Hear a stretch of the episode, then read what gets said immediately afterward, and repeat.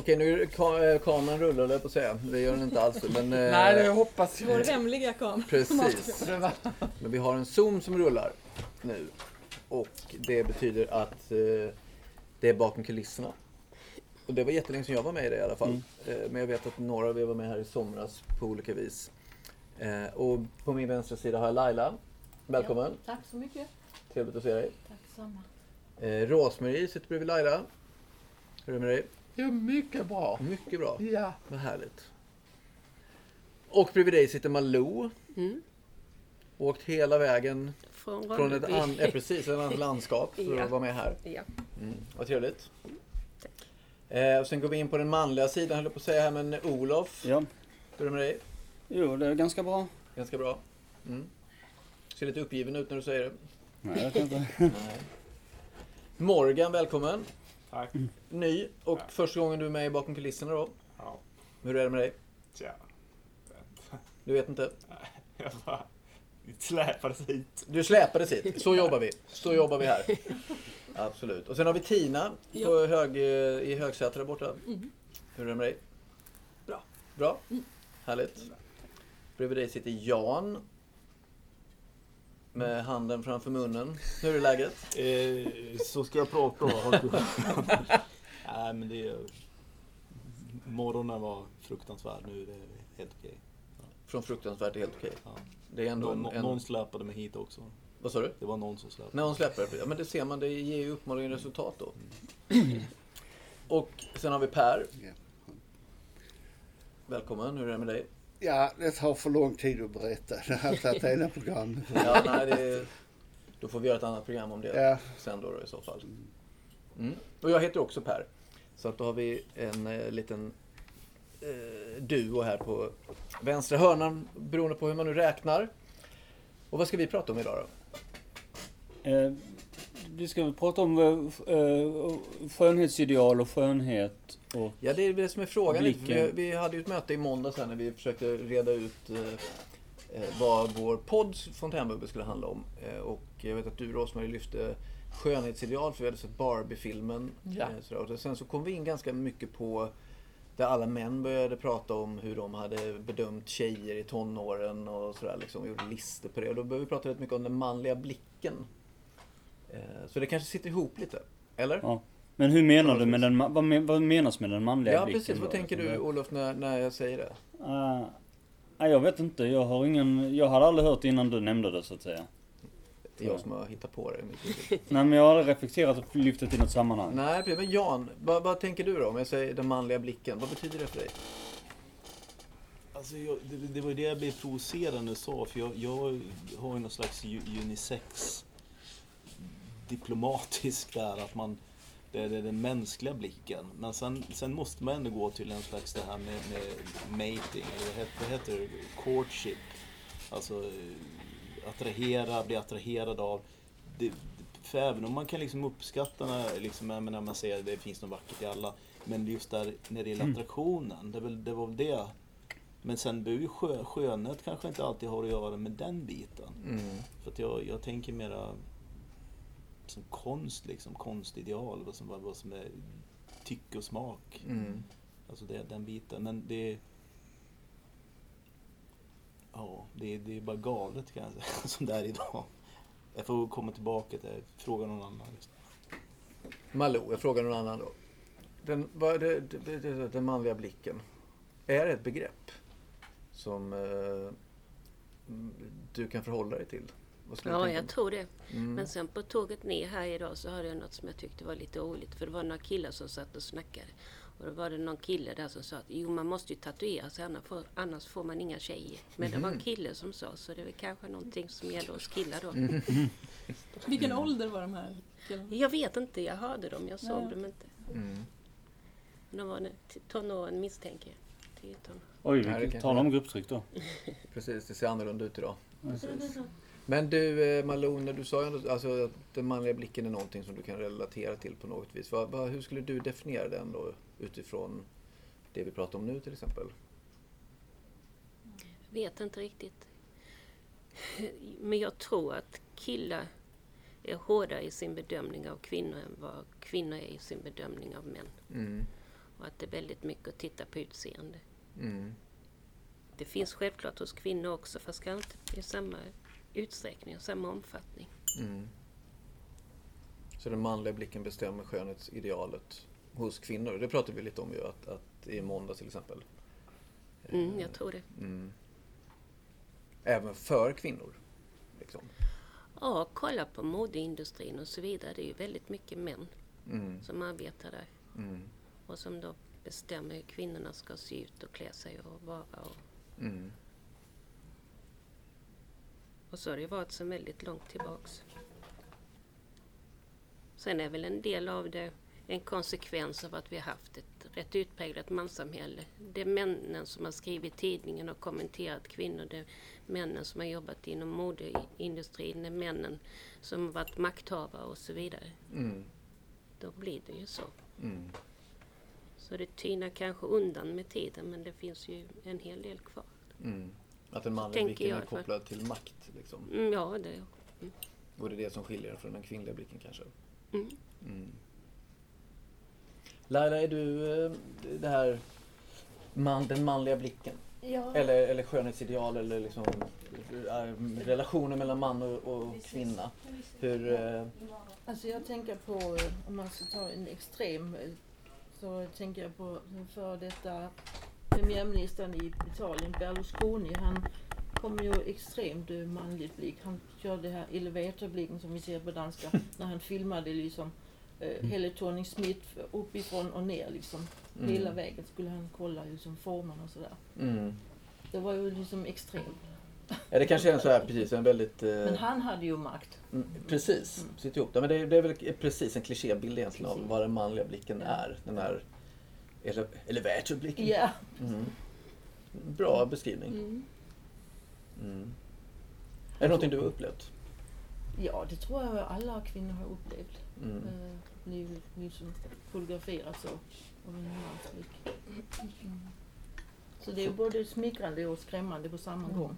Mm. Faktiskt. Ja, det är intressant att det finns de här perspektiven av smicker och skräck. Mm. Jo, precis. För man blir ju utsatt också. Mm, precis. Mm.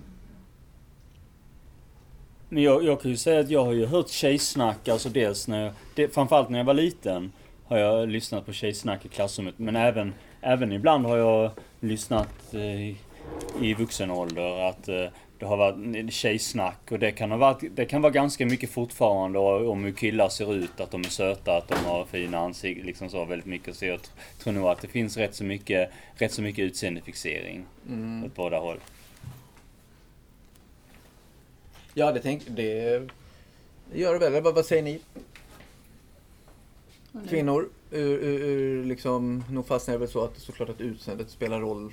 Ja men verkligen. Sådär. Och särskilt när vi, har, när vi lever i en tid när vi liksom hela tiden har en kamera i fickan och ska fotografera oss själva och andra hela, hela, hela tiden. Så blir ju det visuella jätte, jätte framträdande ju. Mm. Och utseende. Fast utseende. Tänker du att det har ökat liksom? Alltså Ja, fokusen jag, på utseende min intuition är det, att det har Mm. ökat. Men jag vet inte om det stämmer. För jag menar, man har ju alltid liksom haft, skönhet har väl alltid varit ett ideal på något sätt. Mm. Och sen har det ju skiftat i vilka former skönheten kommer förstås. Men, Mm. men, men eh, just det där med den manliga blicken härstammar väl från film ganska mycket. Alltså just det begreppet tror jag. Alltså Mm. då, det handlar om att man, inte bara det att man blir granskad utan att man ser någonting som någon annan ser. Alltså om man tänker som du sa Malou att eh, mannen, eh, det är manliga regissörer, manliga filmskapare, manliga, eller manliga makthavare och att mannen Hela bestämmer typ. fantasin. Typ. Fast, Alltså- är det, fast är det så egentligen idag? Eller är det inte det lite grann en vana att det alltid har varit så? För jag tycker ofta man hör nu liksom så här kvinnliga Ja, regissörer, ja, de nej som har absolut. Men jag med. menar, det, är ju jag- inte, det har ju varit så väldigt, under väldigt Ja. lång tid. Liksom. Och det, det är Mm. väl utifrån det som det där begreppet, den manliga blicken, har kommit till. Eller den, sen, Alltså jag måste, när jag bodde i Oslo, på Oslo central, så många gånger som jag blev granskad av, av tjejerna där. Och jag, jag, jag har aldrig varit brytt mig om kläder på mode så här. Men det, det är en extrem modestad. Alltså ganska, kanske inte så internationell, men just Oslo-modet det har sin egen. Och jag blev granskad flera gånger. Jag såg hur liksom brickor verkligen gick upp och ner så här. Och det var inte bara en utan det var ganska många. Men jag tror det finns en skillnad på att, Eh, eh, på att bli eh, granskad alltså IRL av någon. Det är klart man blir grepp. Alla tittar ju på varandra liksom. Mm. Men det blir ytterligare någon dimension av det när film, liksom när film och kultur skapas utifrån en manlig blick sig. Mm. Och sen så tittar både män och kvinnor på det. Så liksom re- reproduceras ju det. Mm. Och man, det vänds tillbaka mot en själv. Alltså för man tänker, man, äh, tänk alla filmer man har sett Mm. där kvin, de kvinnliga rollerna har kanske inte varit så jättesubstantiella när det kommer till personlighetsdrag och karaktär och så. Utan ofta är det jävligt mycket yta liksom. Och det är ju en ut... Alltså det blir ju... Det är ju det vill, man- man är ju van eller det är en tradition. Det vill man, ju, man vill ju se det. Sexiga tjejer liksom. Alltså, Transformers-filmen. Med den, med den tjejen, jag vet inte om det är andra eller tredje Ja. filmen, men det är någon, någon som har blivit, blivit lite grann av en ikon. Så, Ja. Men är den, eh, är den annorlunda då? Alltså är det något, något hon, undantag? hon eller? är ju bara liksom en snygg, ska vara Ja, ja, snygg okej. sexig tjej då och eh, exponeras extremt mycket och sen, sen Ja men det är den här som börjar med att hon ligger och meckar med en motorcykel Ja, ja, ja. I, i svankar extremt Ja, mycket ja, och ja, ligger ja, ja. halvnaken och meckar med motorcykel. Men det är ju stereotypen för allt det. När är den ifrån? Är det 80-tal eller? Nej, det är två- sen? 2000-talet. Så sent Ja, ja, just- så att jag tänker att det är väl ett, ett litet vederläggande av det där att saker har ändrats speciellt. Är inte det han Michael Bay som är ökänd för att lägga massa specialeffekter Jo, till, på bekostnad av manuset? Mm. Och, eh, Men, men eh, eh, så ur det här perspektivet då så skulle man kanske kunna hävda att den manliga blicken i allra högsta grad är en politisk blick då? Att den är kopplad till politik istället? Vad menar du? Kultur. Vad sa du? Kultur främst. Ja men precis, jag tänker på kultur, kanske inte politik utifrån Ulf Kristerssons blick då, utan snarare eh, utifrån ett, ett, eh, om vi tänker att vi lever i ett politiskt samhälle där makten styr och de som vill eh, ha makten. Eh, att, att det är där som den, som du är inne på Tina, att den styr det, och som du var inne på Malou, att den bestämmer för oss alla hur vi ska se saker och ting. Fram, och i detta fallet kvinnan då, eftersom var det vi började prata om kring attraktion och de här bitarna. Hur vi ska se, hur vi ska vara och vad vi ska tycka. Typ. Mm. Mm. Men jag tänker det kommersiella tänker ju inte på det. De, de som, är, som ska vara kommersiella tänk, vet att det här, det här säljer, det här vill folk se. Inte tänker man Men styrs inte det av, av den eh, liksom, kulturpolitik och könspolitik som är förhärskande i samhället då? Jo, det är klart. Det. Jag tror inte de tänker på det i första hand. Vad menar du de tänker på då? Nej, vad som, vad som säljer. Ja, men jag tänker att det är samma sak. Ja. Eller? Jo, jo. jo, såklart, men, men jag, jag tänker inte att nu tar vi ett politiskt ställningstagande och tar den här scenen. Det, det tror jag inte existerar hos de här Nej, jag tror inte kulturskaparna. Nej, det skulle väl i så fall finnas i, i motståndet. I motståndet, I ja. så fall. Ja. Vad skulle det vara för exempel då? Eh, ex- ja, det finns säkert jättemånga exempel på den kvinnliga blicken då, eller vad man nu ska kalla det då. Eller blir det samma sak då? Jag, vet, jag kan inte komma är, det på någon något som har sett de här, är det någon som har sett de här Twilight-filmerna? Jag har Ja. väl inte Ja, sett jo, dem. jag men jag, har, jag minns, det poppar upp i mitt huvud nu liksom att jag tror att det var att den första Twilight-filmen var skriven av, med en kvinnlig regissör. Och var väldigt mycket så ehm, var kanske utifrån the female gaze då, eller den kvinnliga blicken. Mm. Men sen så om det var någon uppföljare som, där, där det blev en manlig regissör och då var det typ bara en massa varulvar i bara överkropp som... Ja, så, så här, jag- alltså det var väldigt... Eh, Mm. eh, eller jag, jag har inte sett dem själv men jag har läst Jag har dem sett- till, vid något tillfälle. Jag har sett den ena, jag tror det var Eclipse som var den andra Mhm. filmen tror jag. Just vad David Yates var som Ja. det. Mm. Jag tyckte, fy fan vilken smörja det här är, tyckte jag. Nej men det var hela tiden, det var liksom inga... all- Allting var så, gra, allting var så uh, gravallvarligt liksom i, i- den här, i den här eh, porträtteringen att eh, hon var, han skulle beskydda henne och, och, han, och han var så dickish till sin liksom sa att Åh, men jag, måste, jag, jag är här för att beskydda dig och, och, hon, och, det, var hans ro- ro- roll i det liksom att, att skulle skydda, skydda henne från alla hemskheter. Och, Mm. och, så, och det var så jag uppfattade det. Så här, Mm. riktigt, liksom, riktigt så här gammal, så här könsroll, så gammal och ut, med, med, med väldigt, ut, utan någon form av humor, utan väldigt så här eh, gravallvarligt så att säga. Ehm, så nej, jag, jag vet inte om någon annan hade en annan upplevelse än vad jag hade av det. Men, eh, Är det någon som har sett de här filmerna förut? Jag har, sett, jag har sett dem för många år Ja, Jag vi har också jag sett dem. bra, Det är bra, men liksom, jag, jag behöver se om dem nu när du, när du iakttog detta. Mm. Och, och med det här samtalet. Men jag, jag skulle, någonting där Tina säger, för om det nu är så att vi påverkas mycket av detta, vad är det som gör att man står emot det då? Vad är det som gör att du lägger märke till det? Alltså va, va, varför lägger inte alla märke till det? Vad, Mm. tänker du? Ja, Kan men vara det är ju för att, eller, eller ja, vad ska vi säga? Kan ha lite grann om, om man känner sig som målgruppen eller inte. Om man inte är målgruppen så kanske man har mer tid att reflektera. Kanske man har ett mer kritiskt öga. Man kan reflektera. Vad tänker du med målgruppen? Ja, att man inte, man kanske inte är den som... eh, Att jag kanske inte är den som filmen riktar sig till i första hand. Så jag, jag, jag så, jag, så det spelar inte på strängar som kanske... Fast om man förenklar det här, tänker jag, utifrån vad vi pratar om nu, då blir det ju väldigt svartvitt, alltså på ett sätt. För då, då, då delar vi in världen i manligt och kvinnligt. Ja. Alltså, och, och jag tänker att det är det som vi ändå pratar om. Att den manliga blicken, om man pratar om det, att den kommersiella biten i det, gör detta. Det är precis det den gör och därför är du målgruppen och Malou är målgruppen och jag är målgruppen. Men jag alltså, tänker Twilight och så, så tänker jag att det är väl inte riktigt... När jag var den var jag 27. 27. Nej, nej, kanske jag, det var, kan inte, det, var- jag tänker att den, den riktar väl sig mer till tonåringar. Jo, jo, absolut. Det finns Så- ju specifika. Men, men det är liksom samma mönster ändå som rör sig i alla...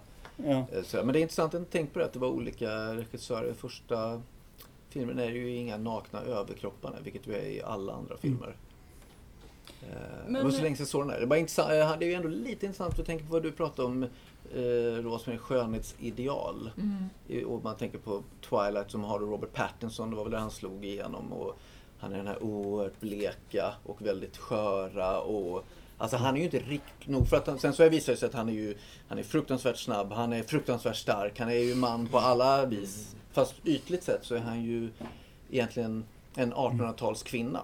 Liksom i sitt vita smink och, och det här liksom. Eh, men då tänker jag lite på, på dig Rosmarie. 1800-talskvinnan. Nej, jag tänker på att du eh, reagerar, alltså så här, det här, hela idén dök upp för att du hade sett Barbie som är kanske en av de här stora snackisarna då i år vad gäller film. Och den i, säger ju sig på något sätt vända på det här. Med den, det är ju någon slags, jag hörde någon med den här i verksamheten som kom och sa jävla feministisk eh, smygpropaganda liksom. Och det är väl det den säger sig att den, den är ju väldigt öppet feministisk då. Eh, och, men Det är ingen smygpropaganda. Ja, exakt. Vad sa ni? Det är ingen smygpropaganda. Nej, nej, precis. Nej, det var bara roligt att en person sa det. Ja. Men eh, eh, du reagerade ju på att precis den klassiska bilden av skönhet där. I det. Vill du, vad var det du kände då? Eh, vad var det jag kände? Ehm, jag vet inte vad jag ska svara på det. Ja, men jag tänkte eftersom du lyfte det här med Ja, ja, skönhetsideal. jag vet, och, jag och vet. efter att du hade sett den, och vad var det du tänkte då? Jag känner jag vill, jag vill inte bli personlig. Så därför, det handlar något om mig så jag vill inte öppna mig om någonting om mig. Nej, det behöver du inte göra. Nej men det är det, din fråga du ställer gör att jag behöver öppna upp men jag vill inte säga det här.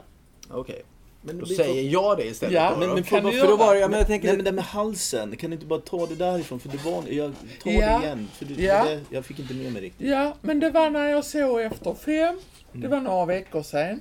Då var det att de hade sett Barbie. Och jag såg på Barbie-filmen att hon hade inte den halsen så. Men de skulle göra någonting, jag vet inte vad det var för kvinnor. Men de skulle få en hög hals. De skulle botoxa eller vad det heter för att få en hög hals. För att Barbie-dockan har en hög hals eller? Ja, så tolkar jag det som de sa på Efter fem. Mm. När jag såg. Är inte det Masai-kvinnorna som gör det? Eller vilka är det som gör så? Jo, jag vet inte vad det är för kvinnor som gör det. Men jag, jag kan väl tycka för egen apropå det här med att eh, kritiken att Barbie var feministisk med smygpropaganda. Alltså jag, jag kan ju känna själv, det reagerade jag lite på under filmen. Alltså jag hade ju nästan för egen del hade jag väl föredragit om det varit lite smygpropaganda. Alltså så här, smygpropaganda är ofta bra, det är ofta det som får folk att tänka till liksom. Eh, och, och det hade de kunnat göra om de hade lite mer realistisk skildring om till exempel på företaget. För det är inte riktigt, det har inte riktigt med verkligheten att göra att det bara är män som sitter, utan det är både, både män och kvinnor som ändå är med och, och, och upprättar de här eh, idealen med Barbie och, och, och, liksom. Så, så jag tyckte inte att det, den var, den gav lite väl mycket på det här att det var liksom, att det bara var, att det på något sätt, att, att det skulle vara, den, den förenklade lite grann och så här att det bara skulle vara män som var inblandade i den industrin, så att säga.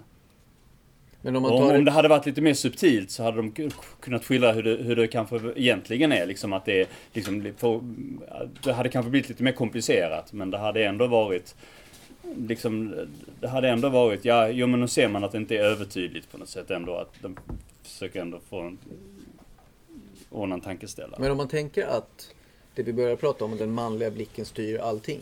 Så är den väl inte överdriven på något vis egentligen? Alltså om man håller med om det. Att den manliga blicken på något sätt har styrt, eller makten har styrt kulturpolitiken eller kommersialismen. Är det inte svårt att säga att den är överdriven i sin...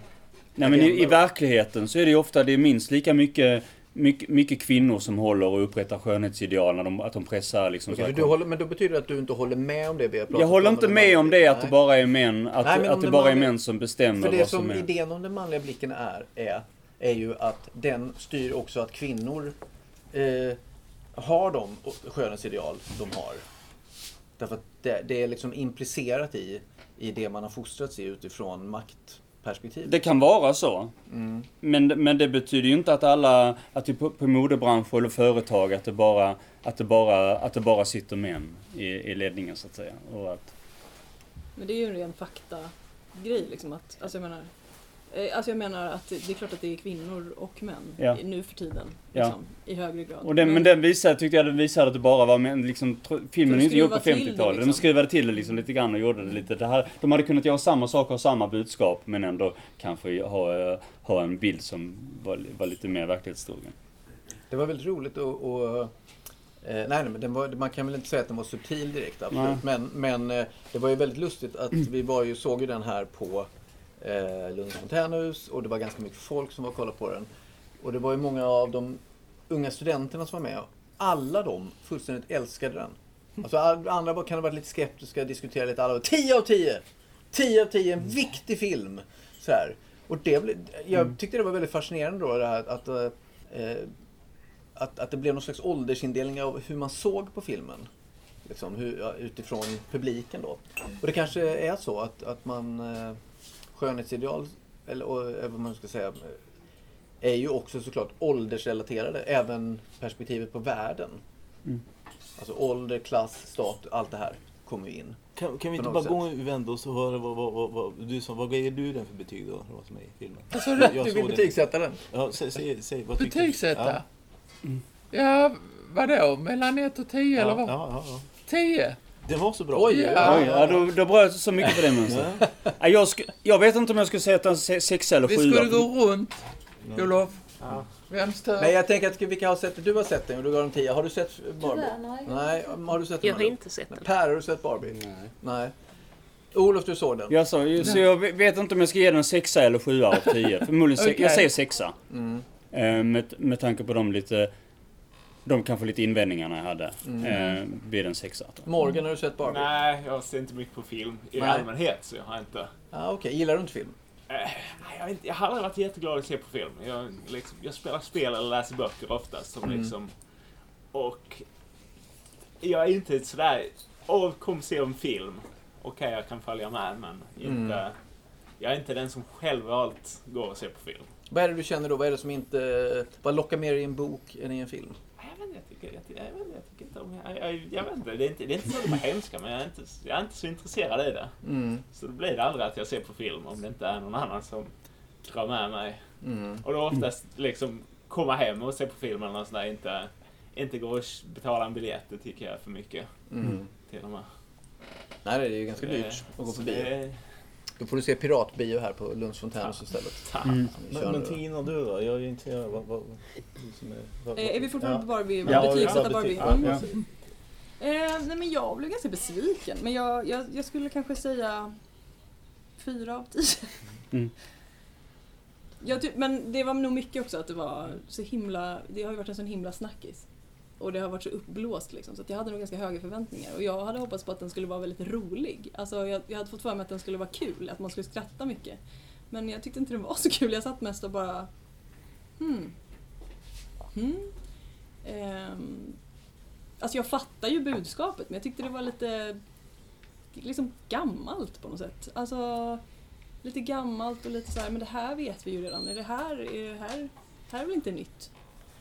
Men vad, vad var det som du kände igen? Som var gammalt liksom? Ja men liksom att, ja, men att, att vi lever i ett patriarkat, bara en Ja, sån sak, som om det var en nyhet. Liksom. Men sen så var det ju lite småskojigt liksom att att Ken då inte, inte visste det och fick, fick upptäcka det i den riktiga världen. Men ja, nej, jag, jag tyckte inte... Jag, jag blev lite besviken faktiskt. Vad var det mer jag tänkte på? Ehm,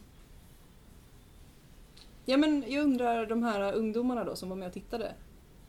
De kanske inte har lekt med Barbie, eller de kanske bara ser Barbie som någon sån... Alltså i Barbie Mm. kanske inte lika stor grej. Jag lekte jättemycket med Barbie. Mm. Ehm, men jag tänker, jag vet inte vad det skulle göra för skillnad.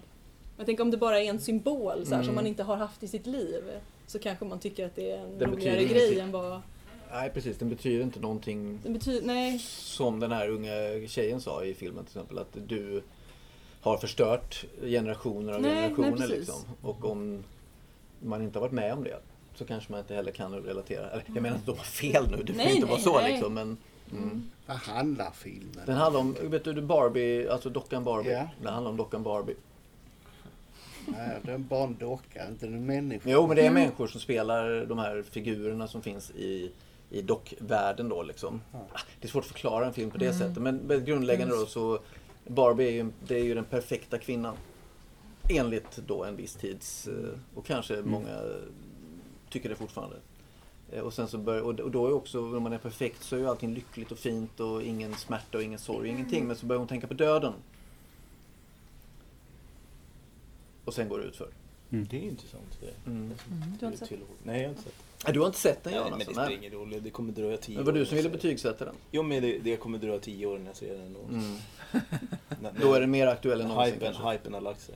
Mm. Men jag, jag får ju bara säga så här, för när vi, när vi pratar med blicken, och jag är liksom där manlig kvinnlig blick, jag bara säger Mm, mm. irriterad, jag vill ha någon slags...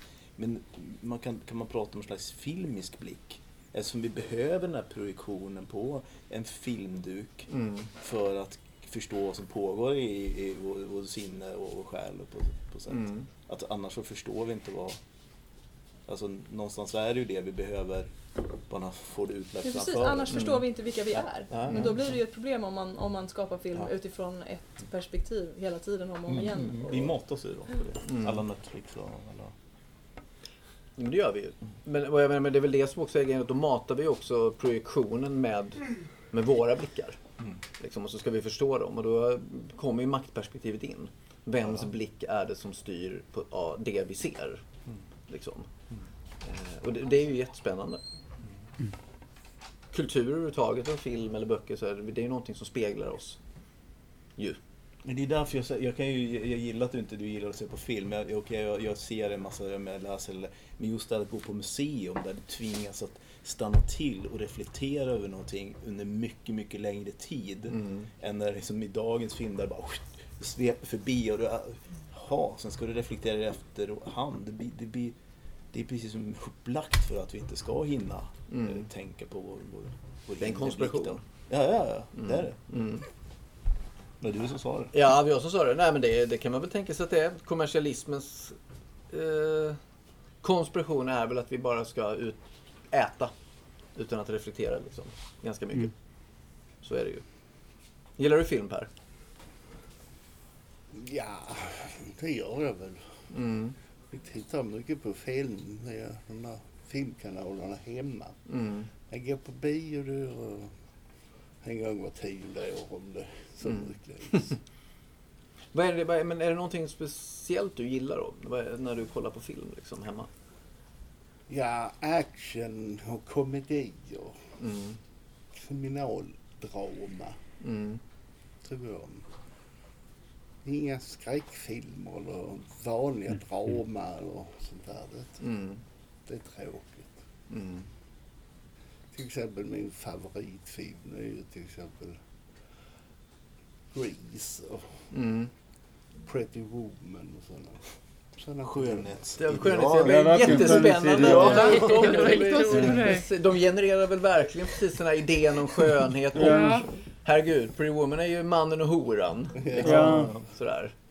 Eh, och eh, Grease, där är ju tuffe bad boy. Mm. Travolta med den väldigt eh, Flickaktig. Flickaktiga flicka- Sandy där? Ja. Sådär. Och, och hela sensmoralen är att hon måste bli tuffare och börja röka och så. Då kommer alla killarna att titta på Mm. henne. Och liksom, You're the one that I want. Precis. Mm, vad intressant. Och så liksom blir hon, vad heter det, hon i Grease, hon blir i slutet omvandlad, väl, vad heter det? Omvandlat. Omvandlad Ja, så han eh, blir så attraherad av henne för att utsidan har blivit, ja, ja, Vad har utsidan, vad tänkte du nu? Vad har utsidan blivit? eh, utsidan har blivit mer, alltså han ser ju bara utsidan, då är han, hon perfekt eller för honom, oj då känns det så bra för honom. Mm. Så han blir ännu mer intresserad och glömmer den där, alltså, det som har varit innan. Mm. Så det försvinner från honom. Mm. Så hon blir så attraktiv. Mm. Vad är budskapet i den filmen då? Ja men jag tänker att den är lite intressant så här. Alltså den, den, den sätter ju jättemycket stereotyper. Liksom. Men Men, samtidigt finns det ju något subversivt om man ser det så liksom att hon blir, börjar röka och blir tuff. Ja. Och tar fram sin mörka sida Ja, då liksom ja. så här, Då blir hon attraktiv. Ja. Det stämmer ju inte. Så man kanske, det kanske också var lite av ett brott mot 50-talsidealen. Ja. Fast den upprätthåller kanske ändå ja. ganska många av de idealen. Ja. Vad skulle du säga Malou? Jag skulle säga att jag tror att det inte är något ovanligt tema. Jag tänkte på Rocky och Sylvester Stallone och den här tjejen han träffade. Var det inte någon liknande grej där? Det finns nog något liknande i rätt många filmer. Mm. Hon genomgår en förvandling. Och...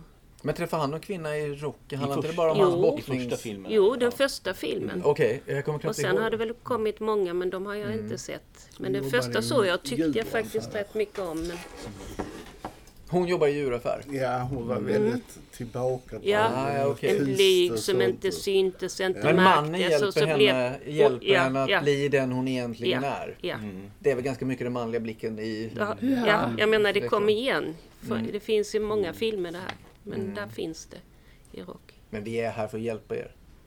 Ja, men det är ju tur det. Ja, visst är det. Ni kan slappna av. Nej, alla ja, förlåt, vad sa du Laila? Nej, jag betalar alla räkningar. Kanske inte just med... Jo, det, det kan vi göra. Men det, det, ja, nej, det finns ju konsekvenser. Ja, det gör det. Mm.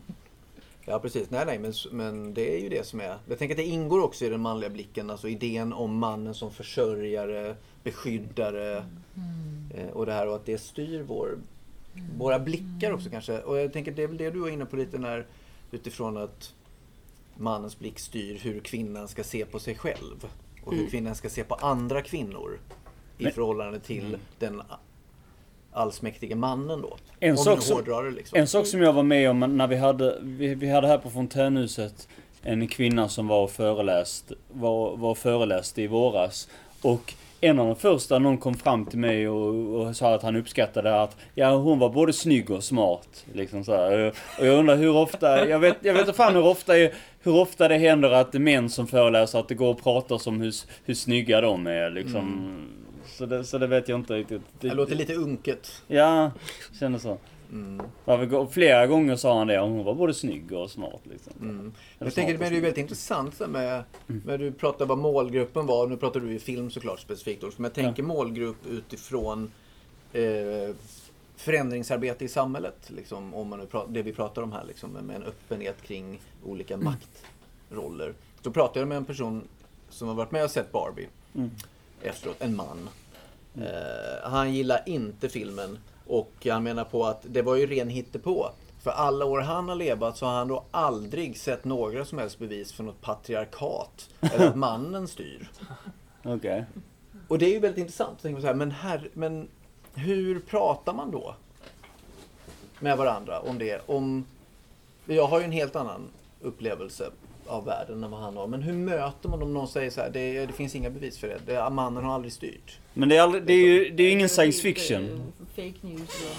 Ja, det tycker vi. Men, Ja. men, men hur möter man varandra för att kunna ha ett samtal om det i så fall? Om någon bara säger så här, det... Men då kan de väl börja googla på fakta. Man får gå vidare till nästa ämne.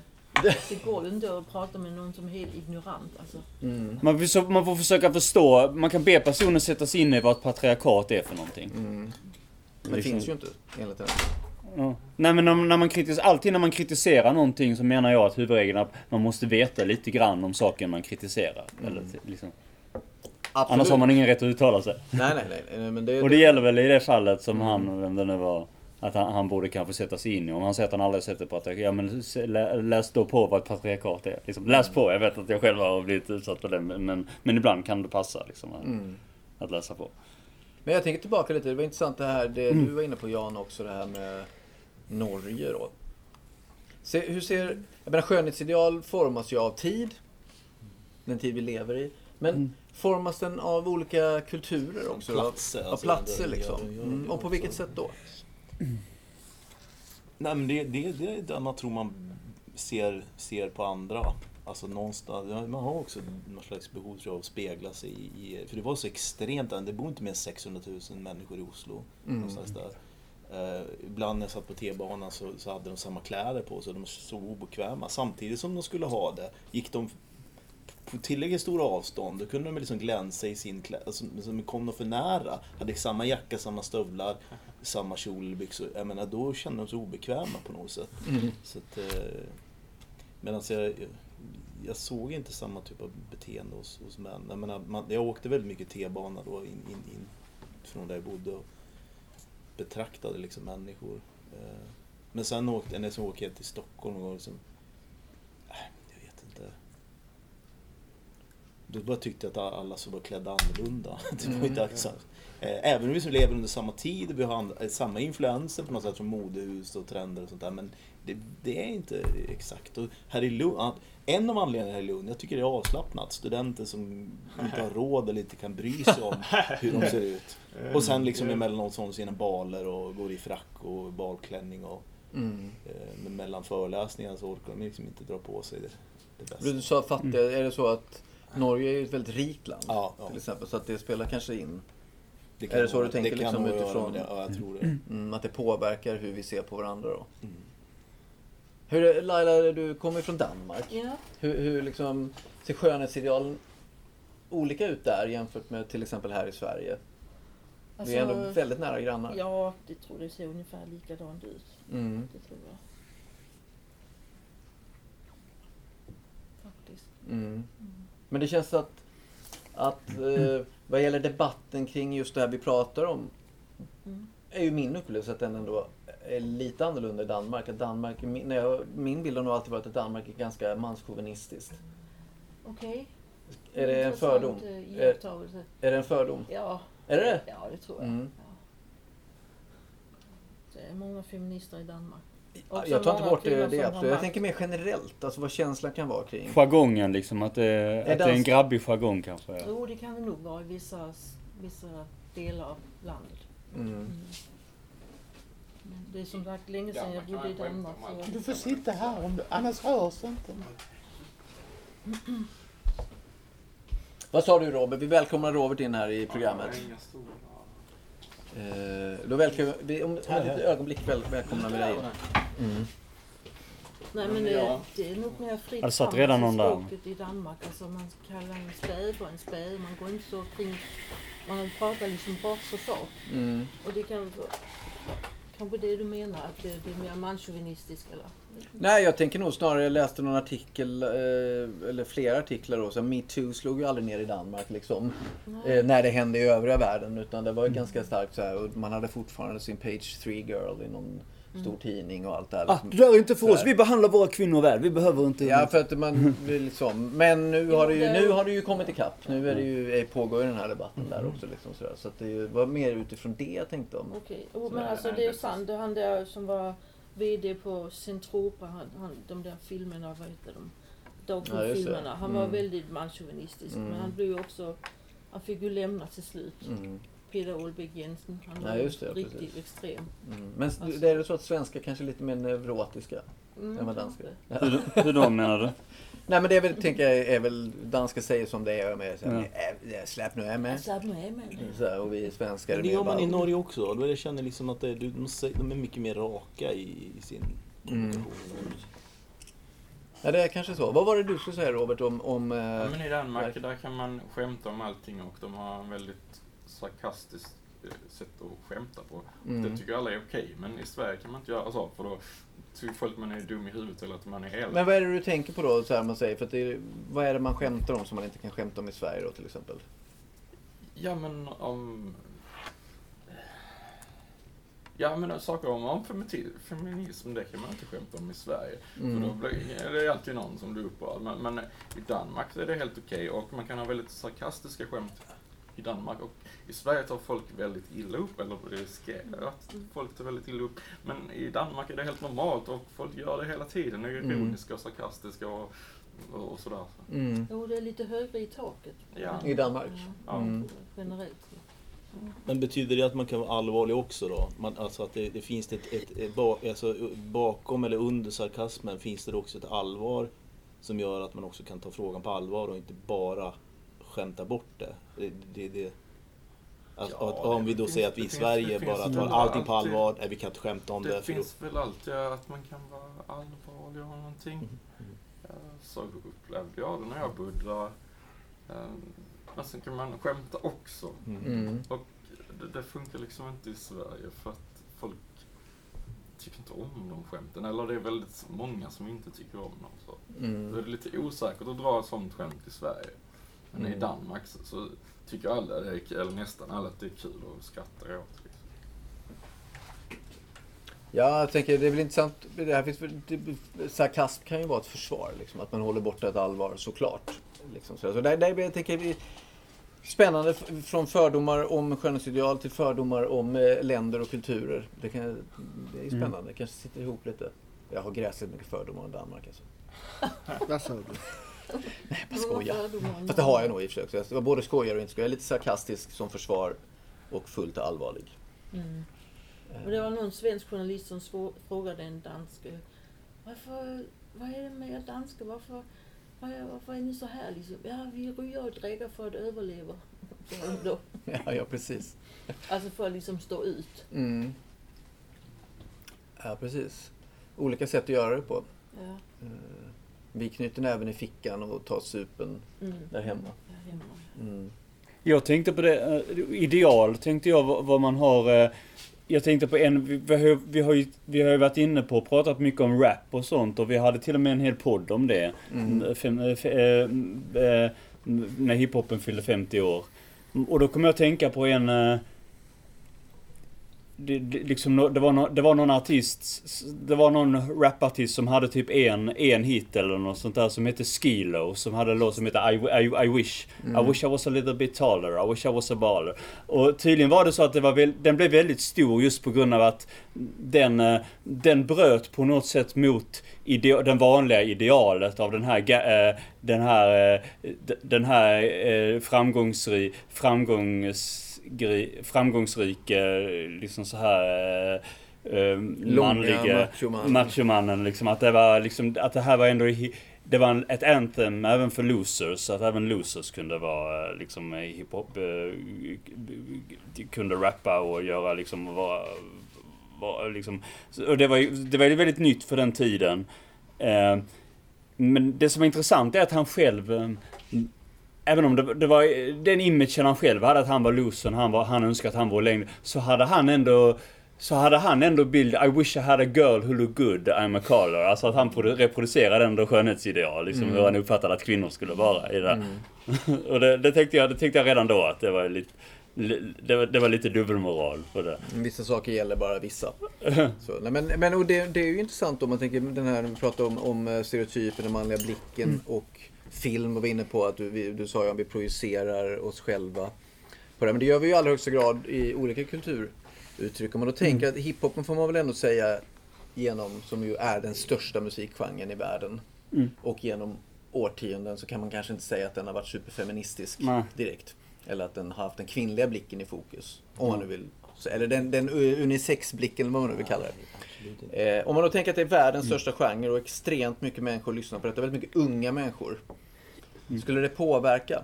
Absolut. Ja, lite grann kanske, men inte så mycket. Jag tror att, jag tror att man överdriver om man tillskriver det för stor vikt. Eh, för, eh, för jag kan ju gå på egen erfarenhet. N- när, jag gick, när jag gick i högstadiet så var det en väldigt stor andel av min klass, i min klass som var, s- som var eh, eh, feminister och veganer och allting som hörde till. Eh, Men de var ändå jättesålda på den svenska rapscenen. Även om den inte var jätte... Även om det inte kanske var det mest sexistiska så fanns det ändå artister som var... Som hade väldigt... Som hade väldigt... Eh, eh, gra, eh, en väldigt grabbig och ibland lite sexistisk jargong. Ken och Ayo och många andra hade liksom så här låttexter som ibland var... Tyckte de var hycklare då? Nej men de, de gillade dem men liksom ändå, de, de lyssnade liksom trots att, att det var ändå förenligt med deras eh, feministiska och veganska budskap och lyssna på de artisterna tyckte de. Liksom. Men är inte det privilegiet till exempel för eh, medelklass eller kunskapsbaserad klass på något sätt att ta det man vill ha? Om man då till exempel kommer från eh, fattiga Mm. förhållanden, från orten, då kommer man kanske påverkas på ett annat sätt av de kulturuttryck som, Ja. som Jo man absolut. matas med. Liksom. Så tror jag absolut det. Eh, Så jag- så jag det tror att- så, man utgår ju alltid från sig Ja. själv. Liksom. Men jag menar att jag tror inte det är så entydigt. Jag tror det kan, det kan absolut påverka om det är en, men, men det behöver ju inte påverka en stor del eh, liksom eh, eh, kvinnosynen bland, bland, bland en större allmänhet. Mm. Bara för att det råkar vara det mest populära. Så. Nej, nej, alltså jag säger inte att det är så. Jag bara undrar, jag tänker att det, om, om hur, på vilket sätt saker och ting påverkar utifrån Mm. kvantitet. Liksom. Det är någonting vi ändå matas med. Framförallt unga människor som är tonåringar matas också med det extremt mycket. Liksom. Mm. Det vi, alltså jag menar, den, den både matar ju oss och vi matar den. Mm. Alltså, Mm. någon sorts cirkel. Du Alltså, menar att det är vårt fel? Du menar att det är vårt fel? Ja. Mm. Ja, det är det ju, såklart. Och jag kände ju en kille som när jag gick på folkhögskola som, som var som hade varit, som hade varit kriminalvårdare, jag vill inte säga fångvaktare, det är med, med eh, kriminalvårdare är en bättre term. Eh, Nu har du redan sagt det i och för sig. Ja, eh, Med men, men, men, och idag, sen har han, sen har han utbildat sig och blivit, så han är polis idag. Men, och, men han hade den liksom, han var ju en character väldigt mycket, han, han tog sig den rollen också i folkhögskolan. Liksom så här. Men, men han, han hade samtidigt, han, han lyssnade väldigt mycket på på- så här ra- rap och ganska, och rätt så gangstaaktig rap eh, trots att han hade den här eh, moraliska liksom, man ska inte liksom den här liksom lite polismentaliteten sådär så hade han ändå den sidan att han var liksom oh, ah, jag ska lys- lyssna på DMX och liksom nu ska vi lyssna på Dr Dre och Mm. Slim Shady och så. Får jag lyfta ett annat perspektiv då? Jag har ju ändå läst mycket religion, jag har varit med om några sammanhang. Jag har varit i Israel, Palestina många Mm. gånger, jag har bott på flera olika länder. Eh, det... Bott i flera olika länder. Eh, många religioner har ju det med väldigt åtskilt med man och kvinna. Man får inte vara i samma lokal under bönestunden eller gudstjänst eller liknande. Mm. Men även har jag varit in eh, i serbsk-ortodox kyrka i, eh, i Helsingborg där fortfarande män och kvinnor sitter på skilda platser. Du kan gå till vissa katolska församlingar Mm. där man nästan självvalt väljer att sitta åtskilt. Mm. Till och med inom vissa frikyrkor så kan det vara det. Eh, Det finns väldigt mycket, de flesta människor i världen är faktiskt religiösa. Vi lever i ett så kallat sekulariserat land, vi är inte så sekulariserade i Sverige. Men eh, så den, alltså jag vill införa det andra perspektivet när det gäller manligt kvinnligt. Det kommer mycket mer från det, alltså ett kulturreligiöst perspektiv.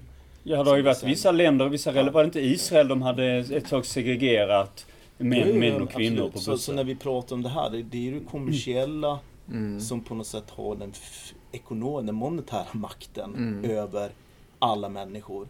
Men när det väl gäller, när det kommer till det lokala och din, din tradition och din, din, din kulturella uppväxt så är det andra värderingar. Som man, som man, när du ska välja då det du hör på radion och ser på TV, Mm. vilket blir viktigast för många människor. Är man sekulariserad och inte bryr sig om det, då blir det en mycket större grej. Annars så kan du inte ta ställning till och säga men det där är någonting som, som Mm. jag, ja, jag hör det men det där har ingenting med mitt liv att göra. För jag är ändå uppväxt i den här miljön Mm. och tränas då att se den här blicken.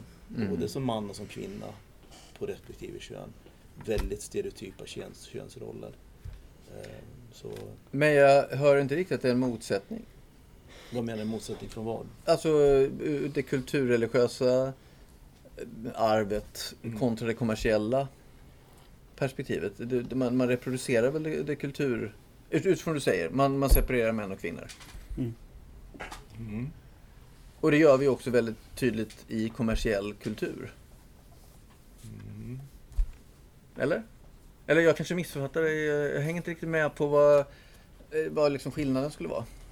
Alltså det kommersiella kanske lever kvar lite grann även efter att man kanske, det kanske är vissa idéer, idéer och skönhetsideal och uppdelning som kanske säljer även långt efter Den att samhället mer, förändras. Den är ju mer trend. Den går ju baserat på trend. Det kommersiella Ja. är ju trendig. Mm. Medan Ja. det, det, det, det kul- kulturella är ju mera liksom...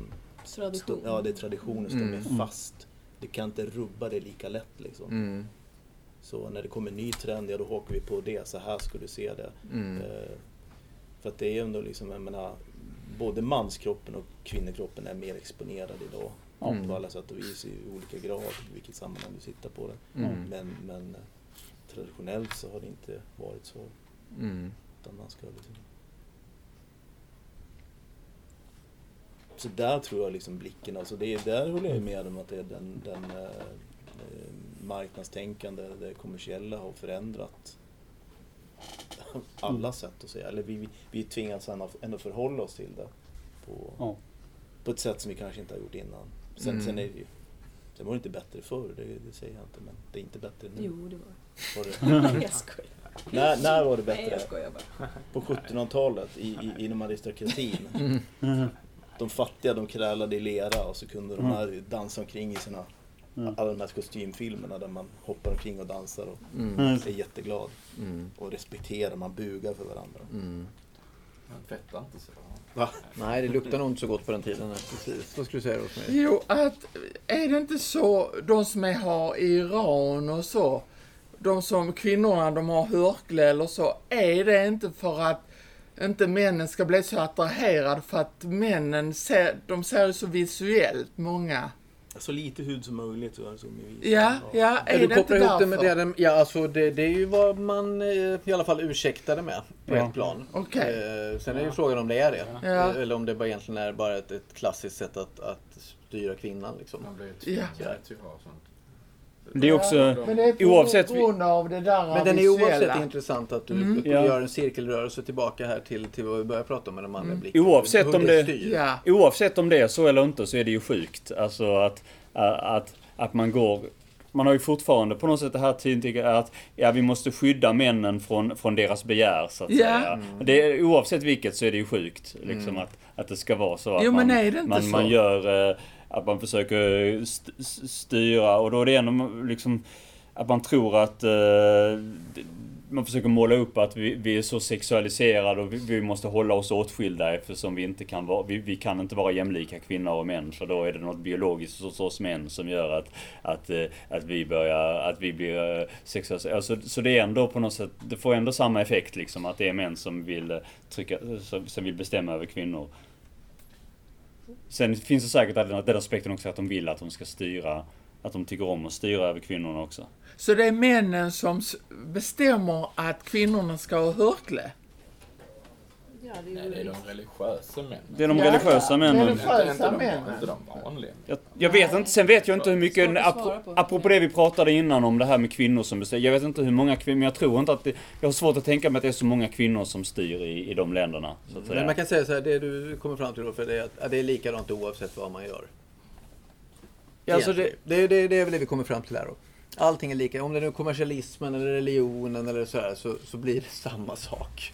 Oavsett. Nej, det är Men nog hur är värre det, när hur är det i Ronneby? Med de här frågorna, Malou? Nu har vi pratat Danmark, Norge, Sverige, kulturer.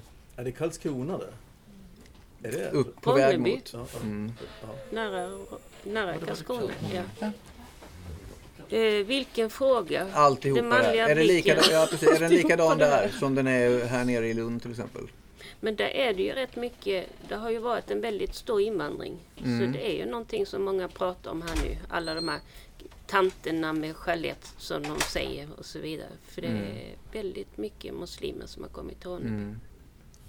Okej, men jag tänker, men det var ju utifrån... Nu är klockan väldigt mycket, så det, det här, nu känns det som att det här kan bli en jättespännande diskussion, men, men vi kommer inte hinna det. Eh, för skulle det påverka den manliga blicken då? Det är någon blick som... Ja, det tror jag. Mm. eller i alla fall så är det någon som tror, förmodligen, att den manliga blicken, eller att det är någon som tittar för nära på, på de här kvinnorna. Mm. Därför de ska ha sina skeletter. För de Mm. behöver ju inte ha skeletter när, de- när de sen är hemma med sin man, utan det är ju när de är ute. Mm. Så... Jag tänker att vi, vi är ju alla, vi reproducerar väl våra, de här kulturella och religiösa aspekterna också i våra liv. Jag tänkte när jag var liten till exempel. Så flyttade jag till eh, Västergötland, till Lidköping. Eh, och då gick jag ju då i tvåan va. Och jag var en sån oerhört snäll person. Och öppen och fin. Så att när de andra, då var det några killar i andra klassen, andra tvåan, som eh, drog mössorna av tjejerna i vår klass. Och då var jag den enda som klev fram och brottade ner den ena killen och sa du, du kan rycka mössorna av dina egna tjejer. Oh. Vad menar du med För de här det? tjejerna är mina. Jag tänker bara att det I hans egen klass menar du eller? Ja men precis, jag tänker bara att man rep- hur kan jag, eller jag var åtta år liksom. Jag är ju formad av, Ja. av någonting i min kulturella och, och sådär liksom. Hederligt ändå. Hederligt Ja. fast helt jäkla knäppt. Liksom, sådär. Tycker Ja, men jag- kan, kunde ju inte hålla koll på de andra Nej. Nej, De nej, andra- precis. Jan, du förstår mig. Ja. Förstår det här. Eh, ja, nej, men det är spännande med, med kulturella kapital liksom, utifrån, för det styr ju oss så oerhört. Mm. Hörrni, klockan är eh, fem över tre och bakom kulisserna är slut för den här gången. Eh, spännande, rolig diskussion. Eh, vi rör oss eh, hej vilt från manliga blicken till Danmark som visade sig vara ett mycket mer öppet land än Sverige. Till Norge som visade sig vara ett mycket mer stängt land. Till Stockholm som visade sig vara oerhört eh, öppet. Och sen var Lund, Lund var det absolut bästa och mest öppna då. Ja. Eh, så att eh, vi får väl tacka varandra. Och sen får vi se när vi är tillbaka då. Mm. Igen. För det kanske blir vår ordinarie podd Fontänbubbel nästa gång. Det får vi se. Mm. Tack ska ni ha. Tack, tack. Tack.